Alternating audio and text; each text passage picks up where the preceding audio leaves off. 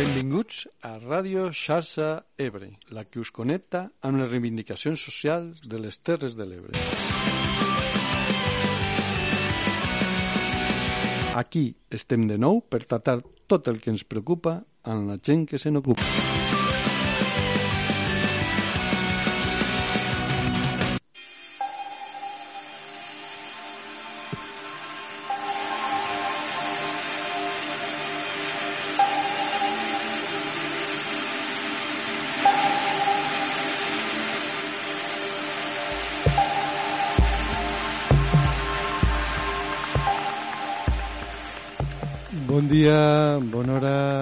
Gent. Era un tema que teníem pendent, això de l'escletxa digital o la bretxa digital, perquè ho hem estat, eh, com que diu Rosan en diferents programes, ja el programa anterior que vam parlar sobre els joves i tot això de, les, de la nova manera de treballar i de les afectacions que pot tindre de cara al treball les noves tecnologies, eh, vam, vam rosar aquest tema i també com vam parlar en Cristina Luna de les noves tecnologies i les conseqüències, els límits eh, de cara al futur de l'ésser humà ja vam dir que este tema de les conseqüències laborals i socials que, que té la introducció de noves tecnologies ens quedava pendent.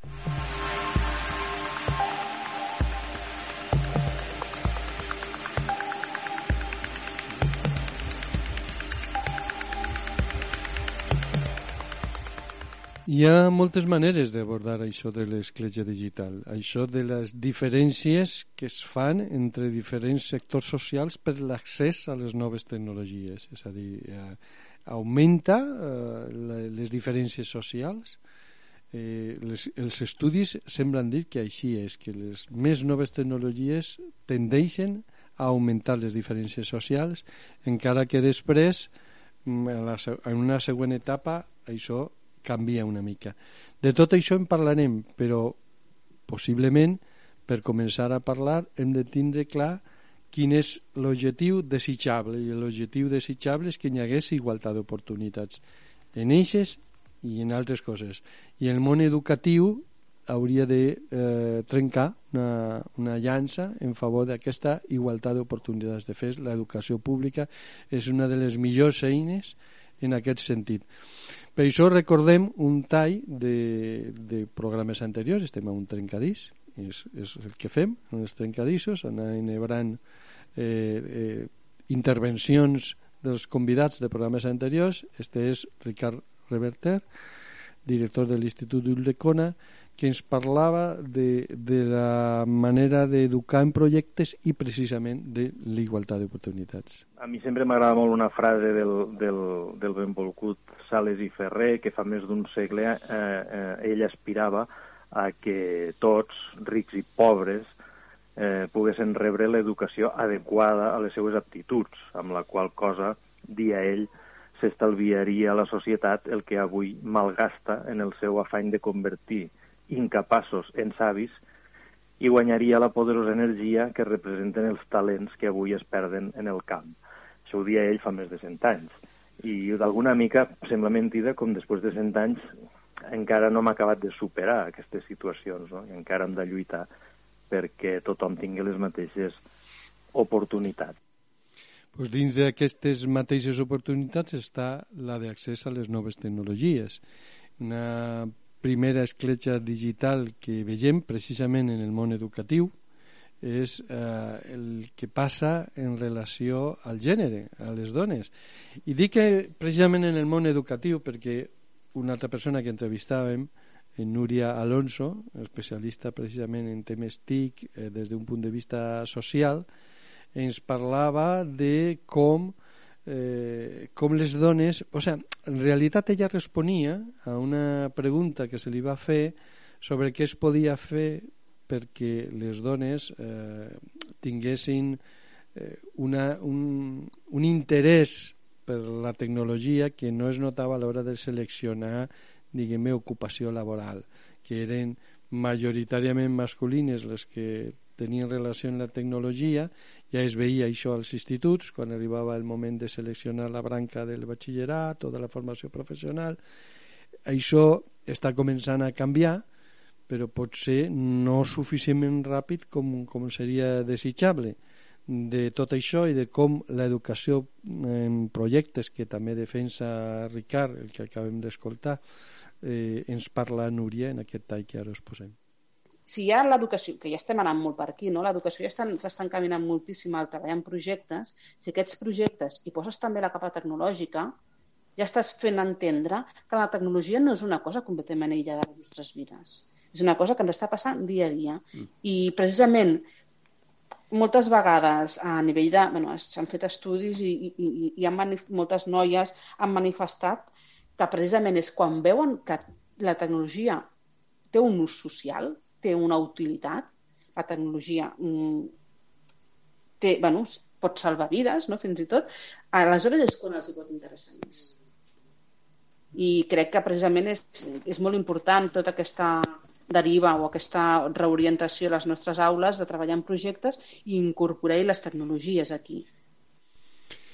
Doncs sí, eh, realment es tracta de veure-li un sentit pràctic, un sentit eh, social, un sentit com per exemple la nova tecnologia ajudant en temes de medicina, en temes de salut és una de les coses que més clar eh, es veuen i més s'accepta per part de tots i, i això també ajudaria a, a resoldre aquesta primera escletxa digital que parlem, que és l'escletxa digital de gènere i no sé, com ho veus tu, Juan Carlos?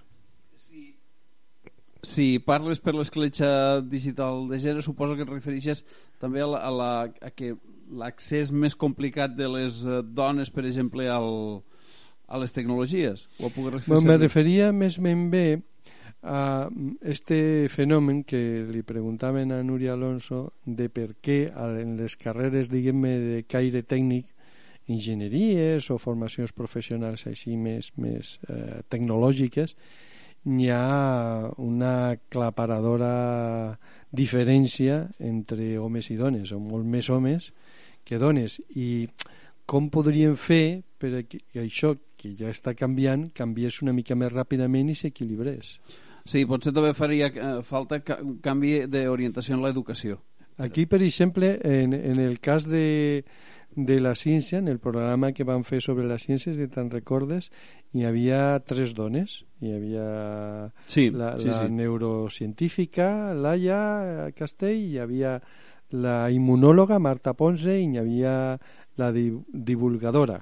Sí. És a dir, hi havia tres, tres dones joves que estaven en el món de la ciència. El món mm. de la ciència ja comença a estar més equilibrat.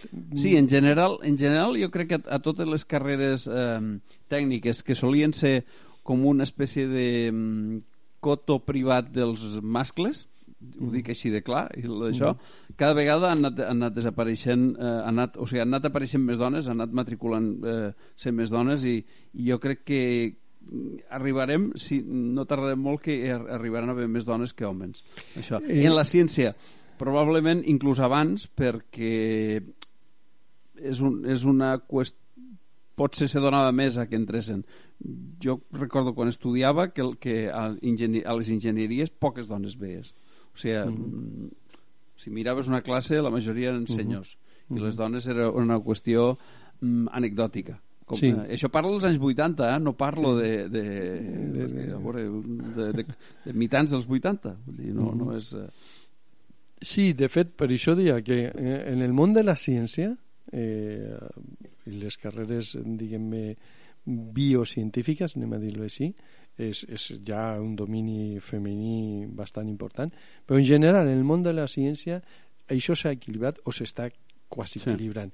Però en el món de la tecnologia no tant. I ahí ve la idea de la Núria Alonso que escoltaven a lo millor, per lo que tu dius de que s'han de fer coses en el món educatiu, potser l'educació s'hauria de fer d'una altra manera més, més, més lligada a lo quotidià i aleshores es veuria el sentit d'aquestes coses que sí. no estan allí pintades. A, a veure, també hem de distingir dues coses, jo crec. Um, les empreses mm, de, noves te de nova tecnologia, quan diem tecnologia diem uh, informàtica, quan parlem de telèfons mòbils, tot això, ja han donat més entrada a, a dones.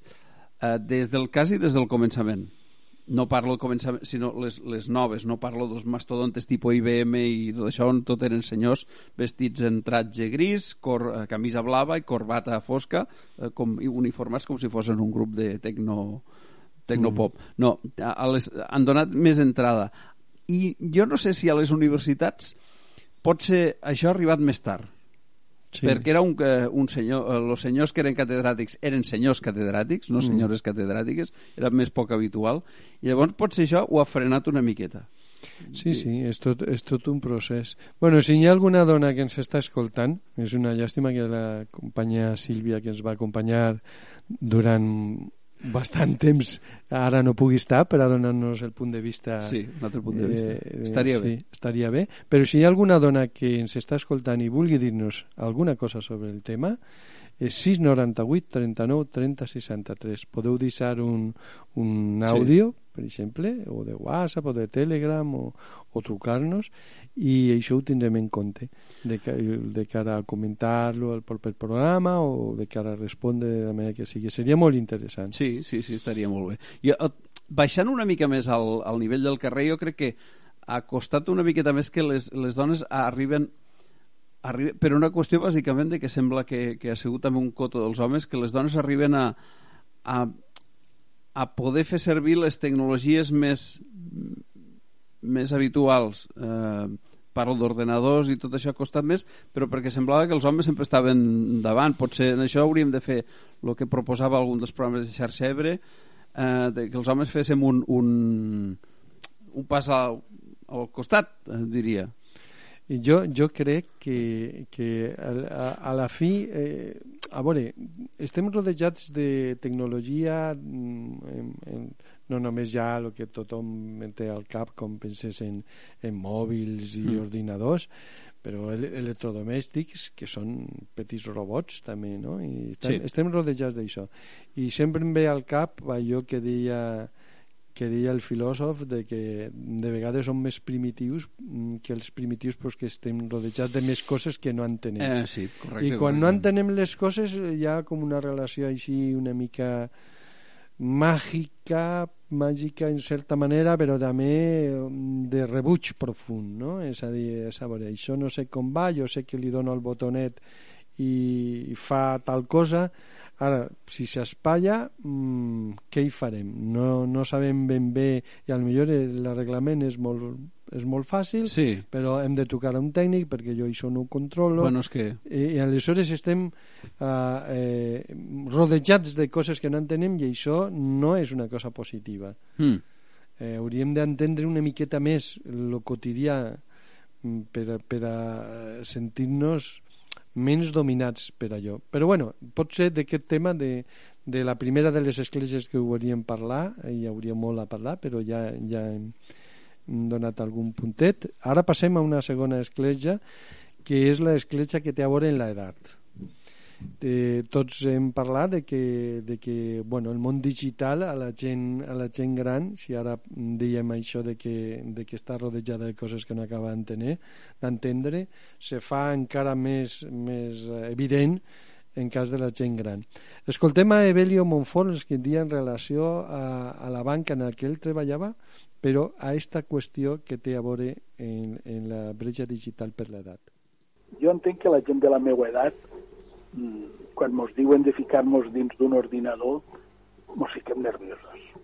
I quan te diuen, i aquí tens una clau i pots treballar, mos fiquem nerviosos, perquè a més pensem, primer tinc poca memòria, ho tinc que apuntar, i després, i si algú entra i me s'emporta els diners o em fa una cosa rara, no tenim la tranquil·litat de la gent més jove de, de treballar eh, en internet i fer compres online i tot això. Però, bueno, mm, si resulta que jo no conec el director, no conec l'interventor, no conec el caixer, no conec a ningú, i de pronte Facebook, Amazon o un d'estos diu, o Google, per què no obrir una banca online. Mm. Quina confiança tens en el banc que no coneixes a la gent, que només te parla per telèfon? La mateixa que pots tindre en Amazon, que li compres sabates, li compres roba i als dos dies la tens. I jo veig que pot ser que este món vagi per aquí.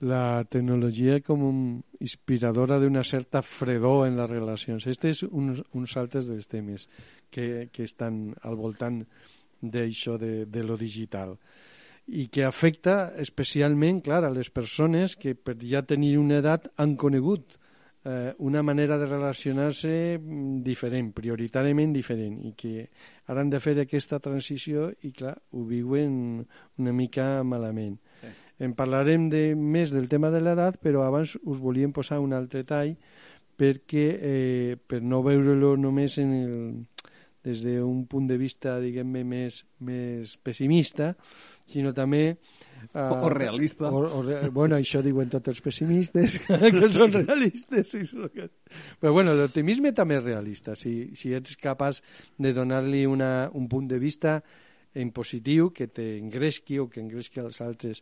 Era Mercè Forés, una geriatra, que parla de com hem de fer que les persones grans tinguin una vida activa. Hi ha molta gent actualment que vol seguir estant a domicili i de fet la meva experiència com a geriatra és que la gent és vàlida i, i té una vida activa en aquests últims decennis eh, molt més enllà de lo que abans es considerava, diríem, vida activa.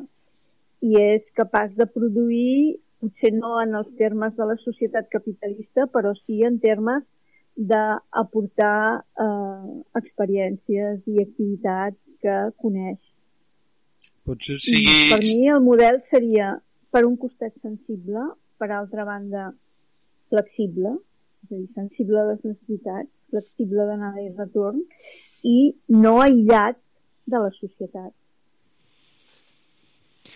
Mercè parlava de models de cura de les persones grans i insistia en això de que no ha d'estar aïllat eh, la persona gran de, no ha d'estar aïllada de la societat. I clar, si la societat si una part important de com es mou la societat té a veure noves tecnologies, això obliga a relacionar-se amb noves tecnologies. bueno, fins ara ho poden obviar una miqueta, a veure, encara, encara estem a un moment que oficines de banc i llocs encara ofereixen servei personalitzat i en un humà, perquè ens entenguem, però sí que és veritat que la tendència és a eliminar a l'humà, per desgràcia, perquè els, eh, el compte de resultats sembla que no els quadra, pobres, els bancs, me refereixo, i, i llavors eh, deixar-ho en màquines. El, el problema, des del, des del meu punt de vista, és que el, avui en dia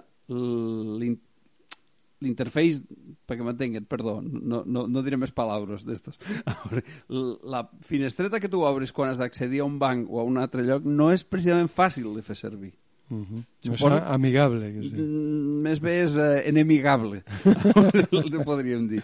I eh, llavors és normal que la gent se trobe mm, estranya. Eh, és això que, que dia Evelio, de que a veure, te comencen, arriba, te, te dones d'alta al banc, com, com estem donats tots d'alta, el compte del banc, que si una clau de seguretat, que si la firma electrònica, que si ja ho has de fer d'aquesta manera, te obris i te surt, si, si obres la, les webs, les webs allí hi ha un munt de coses, la majoria lo, no serveixen per, per el que tu vols fer, però ha, normalment les persones accedim a un número determinat de serveis. I llavors, l'altre és la diversitat. O sigui, cada, cada banc cada administració pública que, sobre, esta, sobre com dissenyen els portals les administracions públiques també per accedir, perquè siguin accessibles parlo, eh?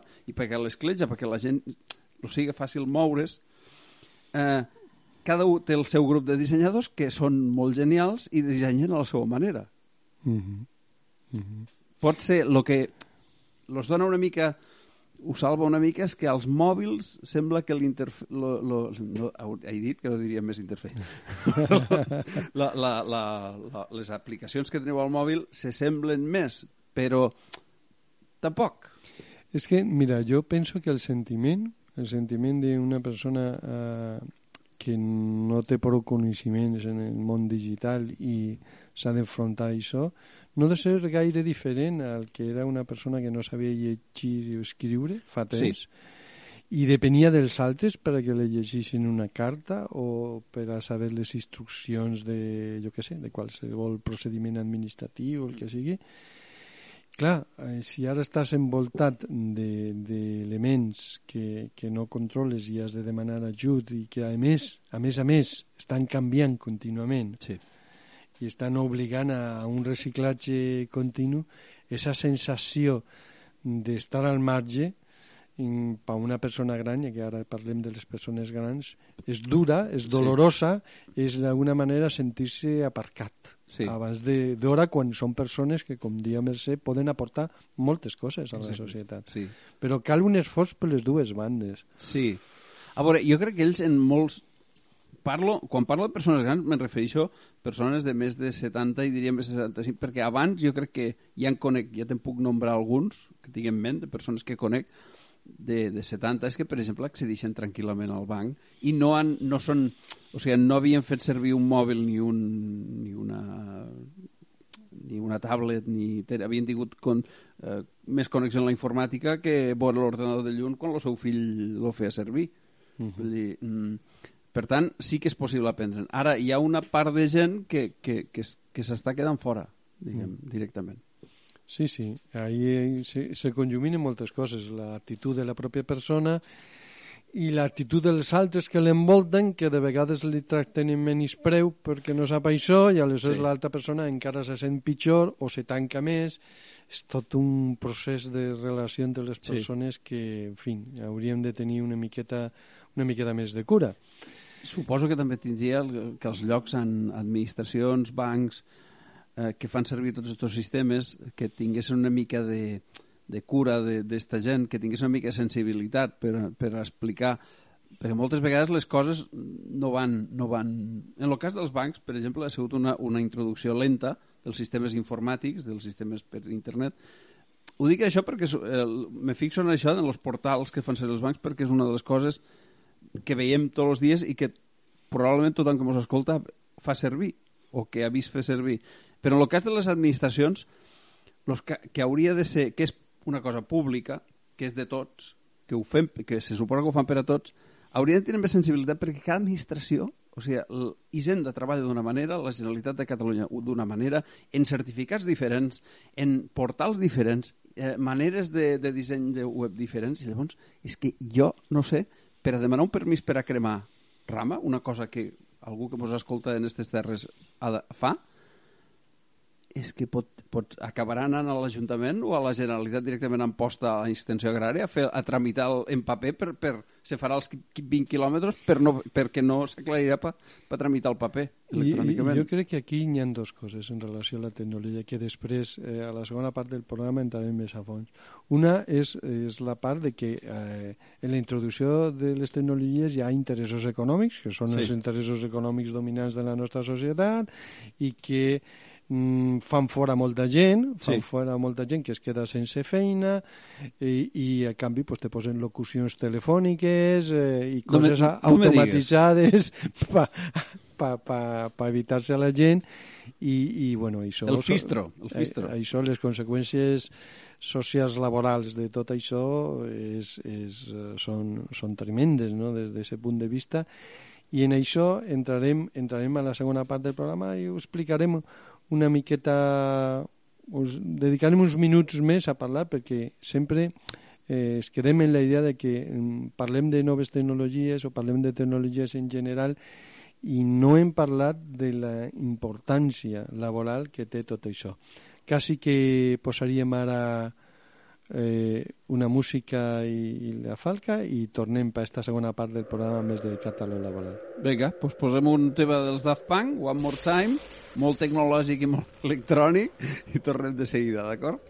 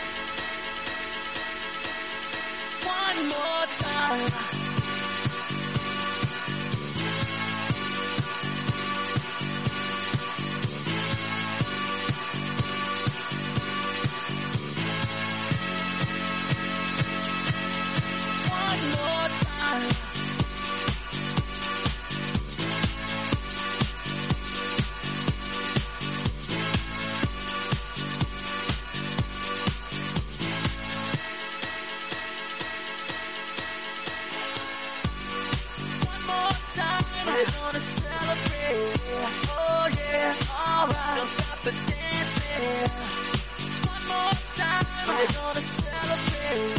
Oh yeah, alright. Don't stop the dancing. One more time. We're gonna celebrate. Oh yeah, alright. Don't stop the dancing. One more time. We're gonna celebrate. Oh yeah. One more time.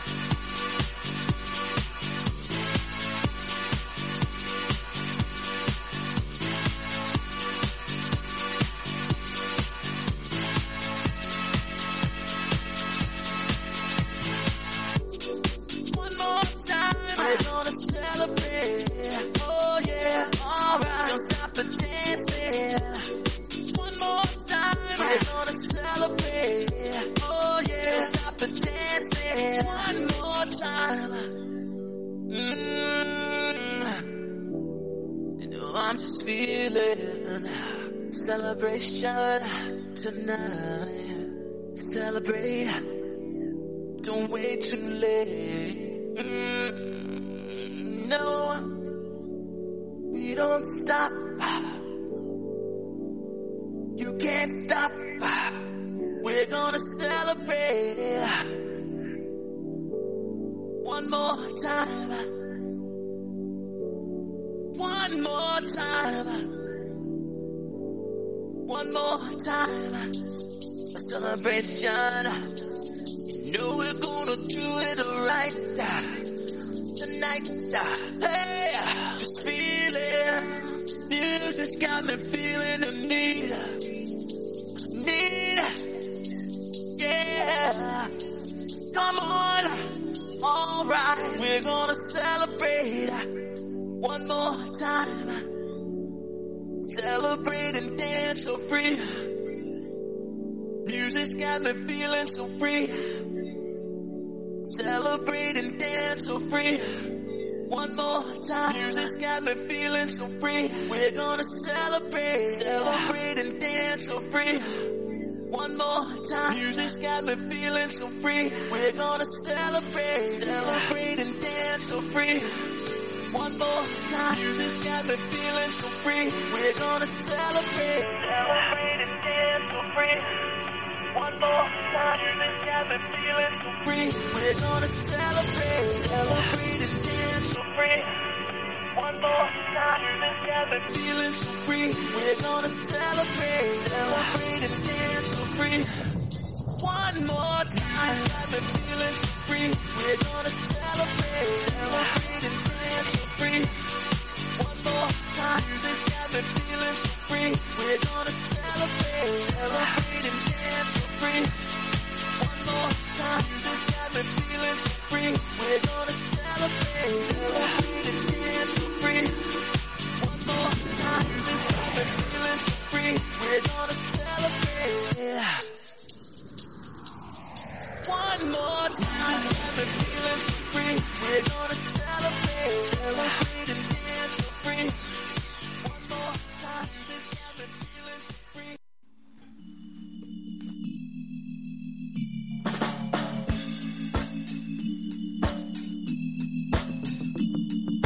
Esteu escoltant Xarxa Ebre, la que parla del que ens preocupa amb la gent que se n'ocupa.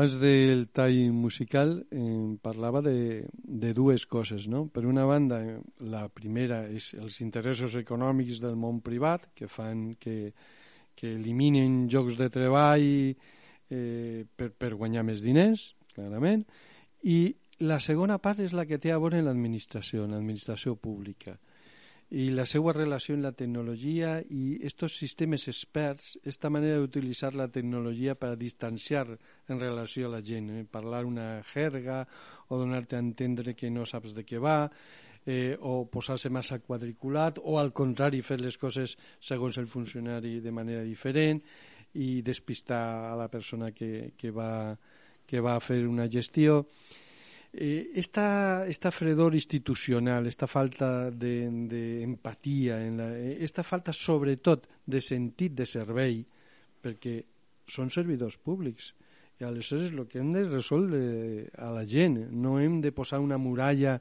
eh, el sistema s'ha caigut i jo no puc fer res, o, o esto és que si això vostè ho ha de fer així per nassos i ha d'entrar aquí si no sap aprengui o apanyes no és l'actitud de tots els que treballen a l'administració pública, afortunadament. Hi ha, molta, Afortunadament. hi ha molta gent Sí. que sí que per condicions eh, personals, humanes, és molt més eh, empàtica, però el sistema expert com a tal, el, el sistema eh, burocràtic és distanciador i moltes vegades s'utilitza la tecnologia per a fer aquesta distància. Sí, eh, és, lo, és pel, pel que anava jo abans. La, la sensació és una mica que abans tenies un senyor malcarat que te, no te deixava fer la gestió o te posava impediments, eh, falta una pòlissa... Vuel- Vuelva usted mañana. Exacte, le, le falta el paper de, de l'Estado, le falta el no sé què, el certificado de penales i, bueno, tot això que ja tots, tots hem el conegut. certificat penal jo he vist demanar-li a un xiquet de dos anys. És que, és que tu saps, eh? Tu, bueno, a veure, ja de xicotets ja traquen bancs. el- bueno, pues, eh, però l'altre, ara, han substituït això per una web, sistema expert, com l'has dit tu, i que en teoria hauria de facilitar les coses i, i a l'hora de la veritat és que te trobes que hi ha gent magnífica als, al privat i al públic que t'ajuda i llavors està el senyor que bueno, el sistema s'ha caído pues recójalo del suelo eh, o, el, o el sistema no, no me deixa que és l'altre, el sistema no me deixa pues, no sé, parla en algú i mireu d'arreglar-ho, no, no sé és que per, jo fa anys que més o menys en, en això de, i tu també, en, en qüestions d'informàtica ho vas ho coneixem i te n'adones que és, al final és un, un impediment, una excusa barata per a no canviar una inèrcia una, i una manera de treballar. Dir, senzillament llavors lo que és, si realment volen que la tecnologia s'apropi a la gent els que l'estan fent servir, els que la dissenyen ho han de fer fàcil. Eh, no sé, l'exemple tens en els automòbils. Ha anat introduint contínuament coses perquè reconeguem la- la- l'automòbil crea molts de problemes però també en resol molts com la majoria de coses que fem servir i han anat afegint coses eh, enllaços als mòbils eh, qüestions que pots trucar i demanar auxili des del telèfon i ho fan d'una manera senzilla, simple per a l'usuari, que és tocant un botonet, fent no, que, no, que no sigui el menys complicat. Se dema, demanaríem una miqueta això, que ha, per molt que siguin tràmits en l'administració o en el banc, que siguin fàcils. Uh -huh.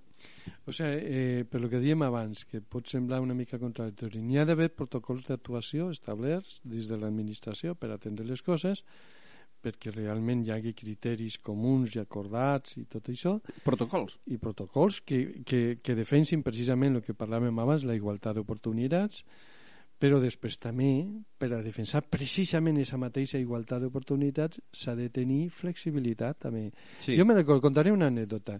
Eh, estant Ei, a Madrid. la anècdota. la, obrim l'apartat.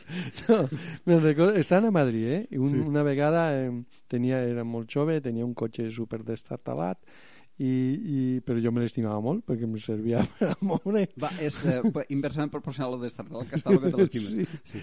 i el vaig portar a un, a un barri a veure un amic que vivia en un barri d'estos de mala fama, de que tal, que te, ahí te furten, eh, vamos, qualsevol cosa i tal. I jo ja anava així a veure on deixo el cotxe, que a veure que després tal, bueno, el vaig deixar per allí, vaig anar a veure el meu amic i quan vaig veure, pues no, no vaig trobar el cotxe, tot ja està, ja, ja, el que em temia, ja me l'han furtat, no? De tal. Total, me'n vaig a la, a la comissaria de districte, no sé què, districte, allà a fer la, la denúncia. Em recordo que el policia de torn pues, estava, estava mirant una pel·li, una pel·li d'estes de petroli, que no sé què. Bueno, bueno, total, que, que faig allí la denúncia corresponent i me'n vaig. I, i na, agafo el metro per anar a casa i pel camí dic, serà possible? Quin fallo, quin despiste. Si a última hora vaig pensar que, que aquest lloc no estava bé, que allí era perillós i vaig canviar de puesto i estar en un altre lloc, serà possible? I dic, déu-n'hi-do pues vaig tornar, efectivament, vaig trobar el cotxe i dic, ara he de tornar a, a la comissaria i dir-li al Des, policia despresentar la denúncia. que, que, que, en fi, i vaig, que era, era tot un tràngol, no? Però vaig Sí. dir, ho faré perquè si no, Senyora gente... si no demà me detenen a mi per haver furtat el meu propi cotxe, no? Sí. I dic, bueno, doncs vaig, vaig al policia i vaig i li dic, eh, així tot de carrera, tot, tement la, la reacció i li dic, mira què m'ha passat, que sóc un despistat, que ho sento molt, que resulta que no, que el cotxe estava en un altre puesto, que l'he trobat, que tal, que qual, que anul·la la denúncia, que tal. I el policia se'n queda mirant, però va estar com a 5 minuts sense dir res. Me'n recordo que a la pel·lícula en aquell moment trobàvem el petroli i sortia allí. I l'altre estava mirant-me, mirant-me, i dic, este me soltava una galta aquí. Me dirà, tio, m'estàs fent perdre aquí la nit. En... I al final de tota aquella estona que se m'ha fet llarguíssima, me diu, és es que no tinc formulari per això.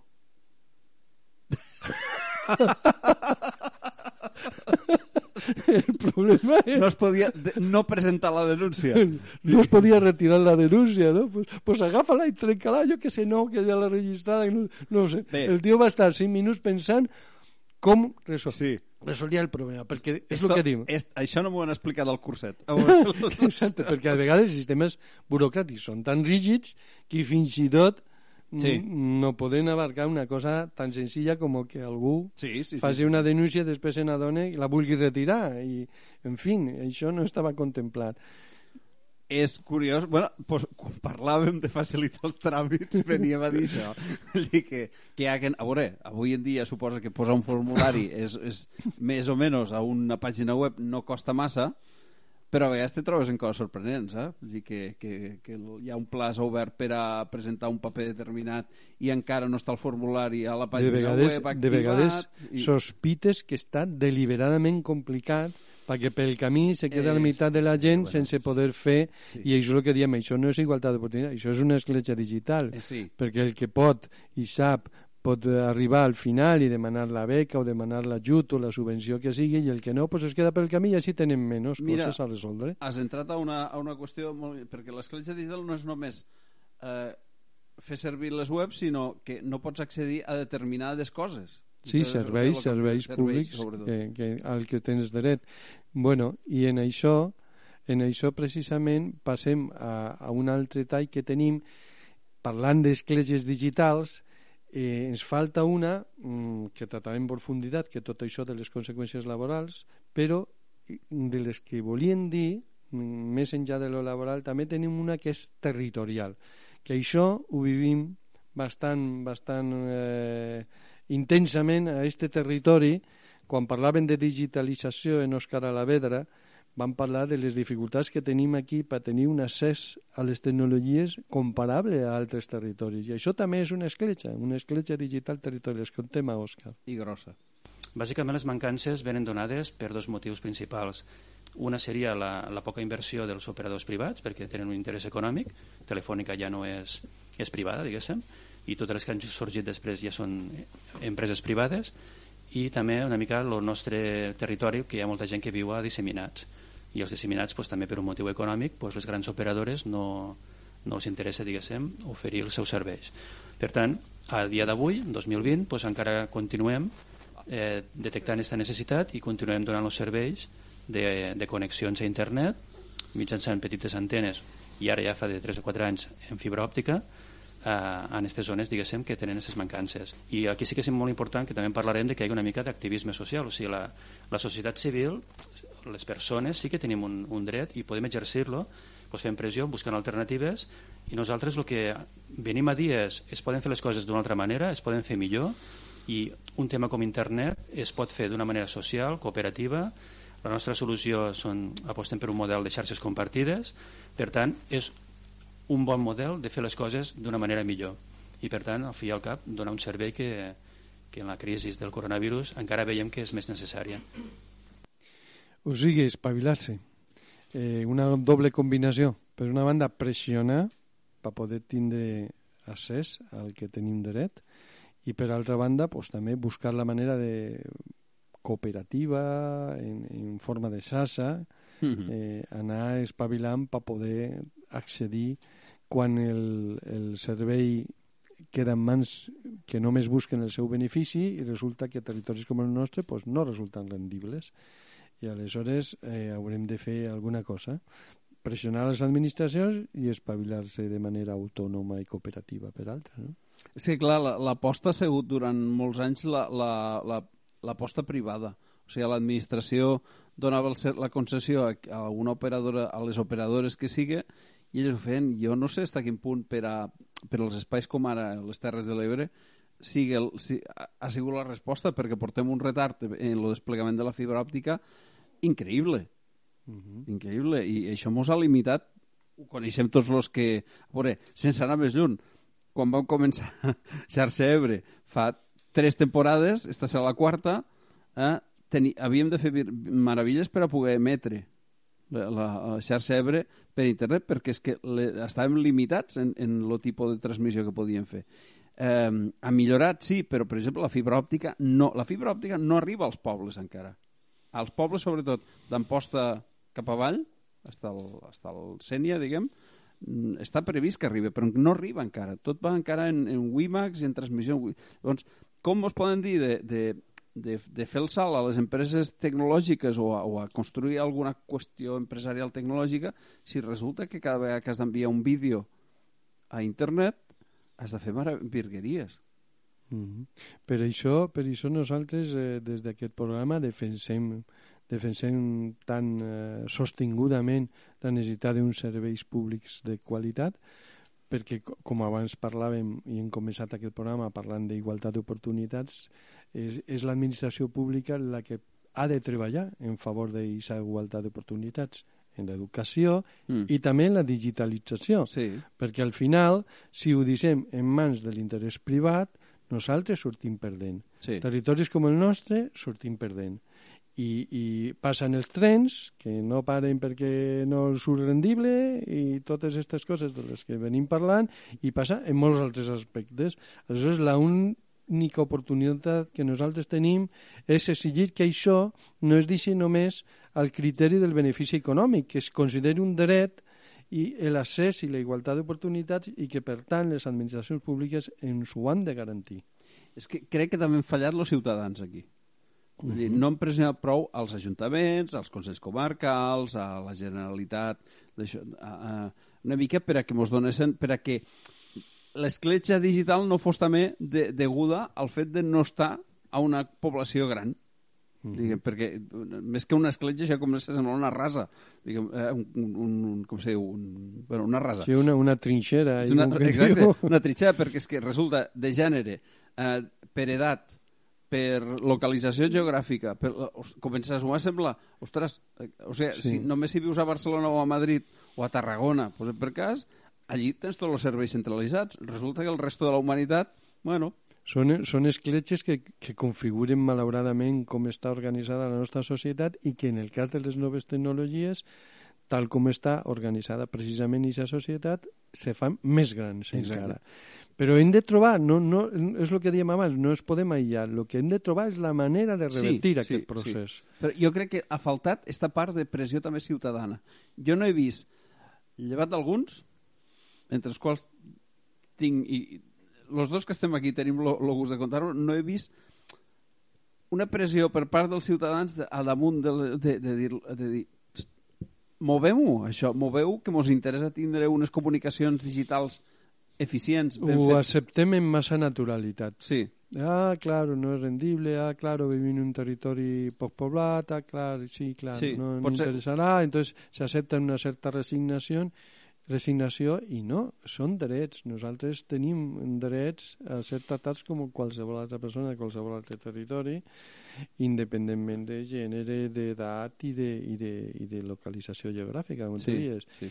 I són coses que, per això, i per també, mm, eh, parlaven en un dels programes anteriors sobre coworking, i la possibilitat de que gent vingui al territori però treballi fora i a través d'espais de, de coworking o, però per això cal unes bones línies d'internet, una, una bona fibra òptica, si no... I aquí s'està caiguent a cada estona, és a dir... És...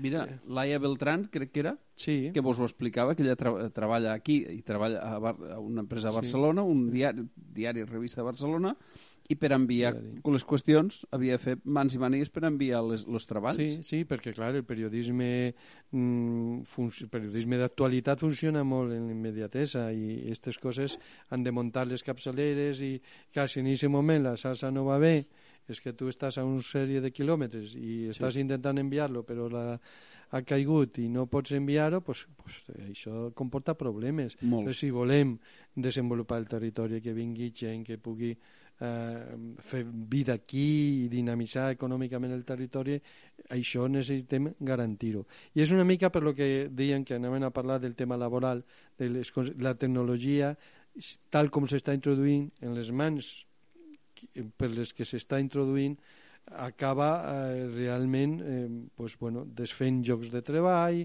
convertir-nos en altres més especialitzats però sense tindre cura de la gent que queda al carrer, de les Mhm. famílies que queden tal, sense donar-li l'oportunitat de que es reciclen. Jo crec que la tecnologia no s'ha de parar, que ha d'avançar, que, que és fonamental, però el paper de l'administració pública seria precisament crear les condicions per a que mm, la introducció de les mm, tecnologies no generi aquestes distorsions i aquestes desigualtats tan grans, aquestes escletxes. Hauria d'estar buscant la manera de resoldre, buscant la manera de garantir la igualtat, Sí. buscant la manera de que encara que a lo millor en algun moment alguna tecnologia nova s'hagi de frenar una miqueta, però mos done temps a qualificar la gent que es quedaria sense feina de manera que no es quedin al carrer i que tinguin l'oportunitat de reincorporar-se al món productiu d'altra manera i no quedar-te en 50 i pico d'anys sense feina perquè, exemple, sí. perquè no t'han donat l'oportunitat de reciclar-te en una qüestió i continuar fent la teua Sí, feina, les sí. noves opcions, perquè en el fons no ens enganyem els interessa tindre a un jove en condicions de precarietat i no un vell en treball fixe o una persona més gran en treball fixe perquè no són vells, són persones de més edat però en treball fixe en una sèrie de condicions laborals adquirides de les que es volen desempallegar per poder fer... Sí, Eh, passa sí. que la tecnologia és l'excusa. Sí. Suposo és l'excusa per, a, per a, com ho ha sigut en altres moments, per a, per a, per a colar o per a reduir drets, drets socials o drets laborals. No hauria de ser, perquè si la po- si l'hem d'assumir o l'assumim tots una mica i que, perquè ens ajuda també a fer la, la societat millor Mhm. vull dir que, que tothom estigui en feina tothom eh, treballa i tothom estigui una mica, ja que tenim este sistema i de, no, no, el podem, no es pot canviar d'un dia per l'altre o sigui, mos aixequem un dia i decidim en son demà que eh, el normal és garantir que, to, que tothom hi pugui arribar que tothom tingui igualtat d'oportunitats Clar, És perquè si no, què va passant? Pues que, bueno, que al final eh, esta crisi econòmica, la crisi sanitària i la introducció de la tecnologia acaben afavorint que, se, que determinats drets se vagin perdent.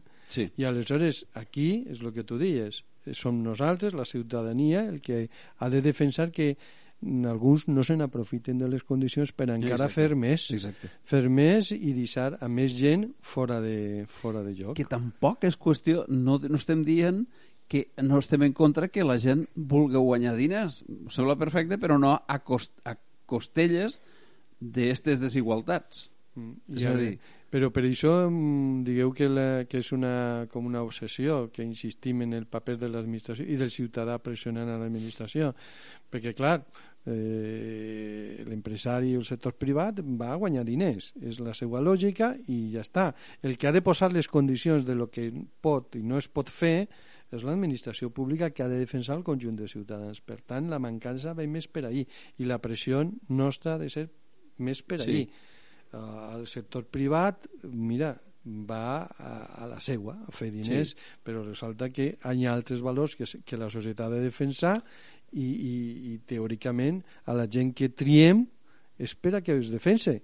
i jo crec que també el sector privat si els- se'ls donessin les condicions eh, per a d'igualar la gent també treballarien millor i desapareixerien cert tipus de, de, de, de rapinyaires Mm. que apareixen, que fan com diem aquí la filetada, diguem, eh, fan els diners a costelles d'esta gent, d'aquestes desigualtats i desapareixen.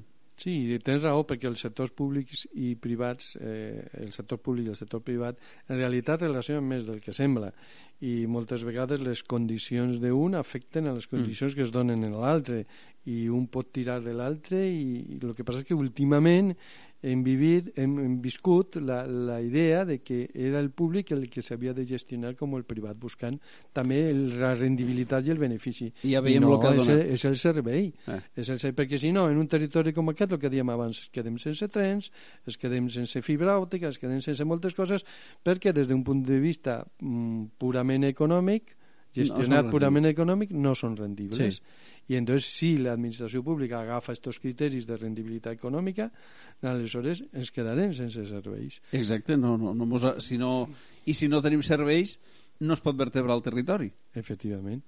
I bueno, per acabar en positiu, posarem ara una, un tall de Carlos Lamote Guiñón, de l'Ateneu Cooperatiu, que es planteja algo que pensem que és interessant. No, no, jo això que comentava Jordi Bester al final, de que si els joves, la, el sentit de la propietat, jo crec que sí.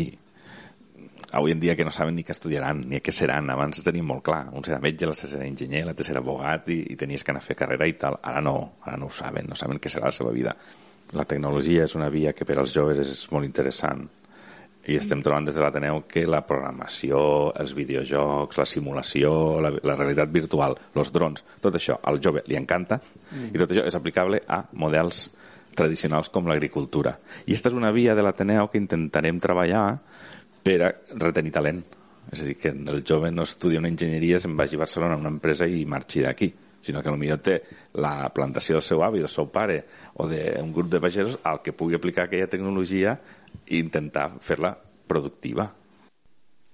pues en això, en tecnologia aplicada a sectors tradicionals productius pels joves ens acomiadem eh, Juan Carlos Deixa'm dir una cosa només. Sí, sí. Això que acaba de nombrar ja està passant.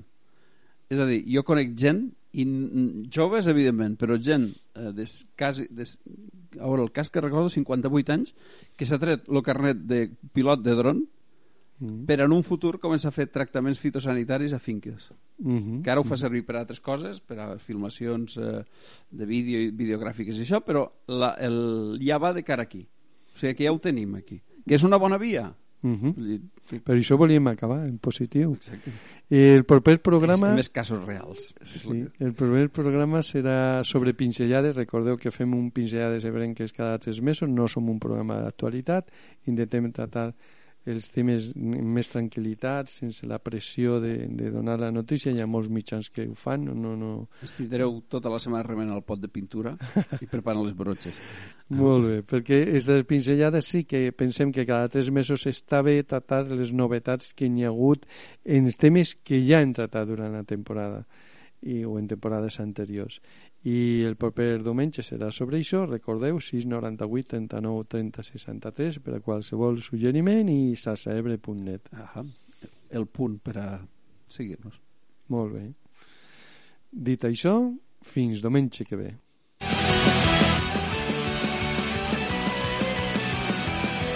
T'esperem a la propera emissió de Xarxa Ebre. Ens trobaràs al WordPress, al Gmail, Facebook, Twitter i a l'iVox. Sempre amb aquesta etiqueta, Xarxa Ebre.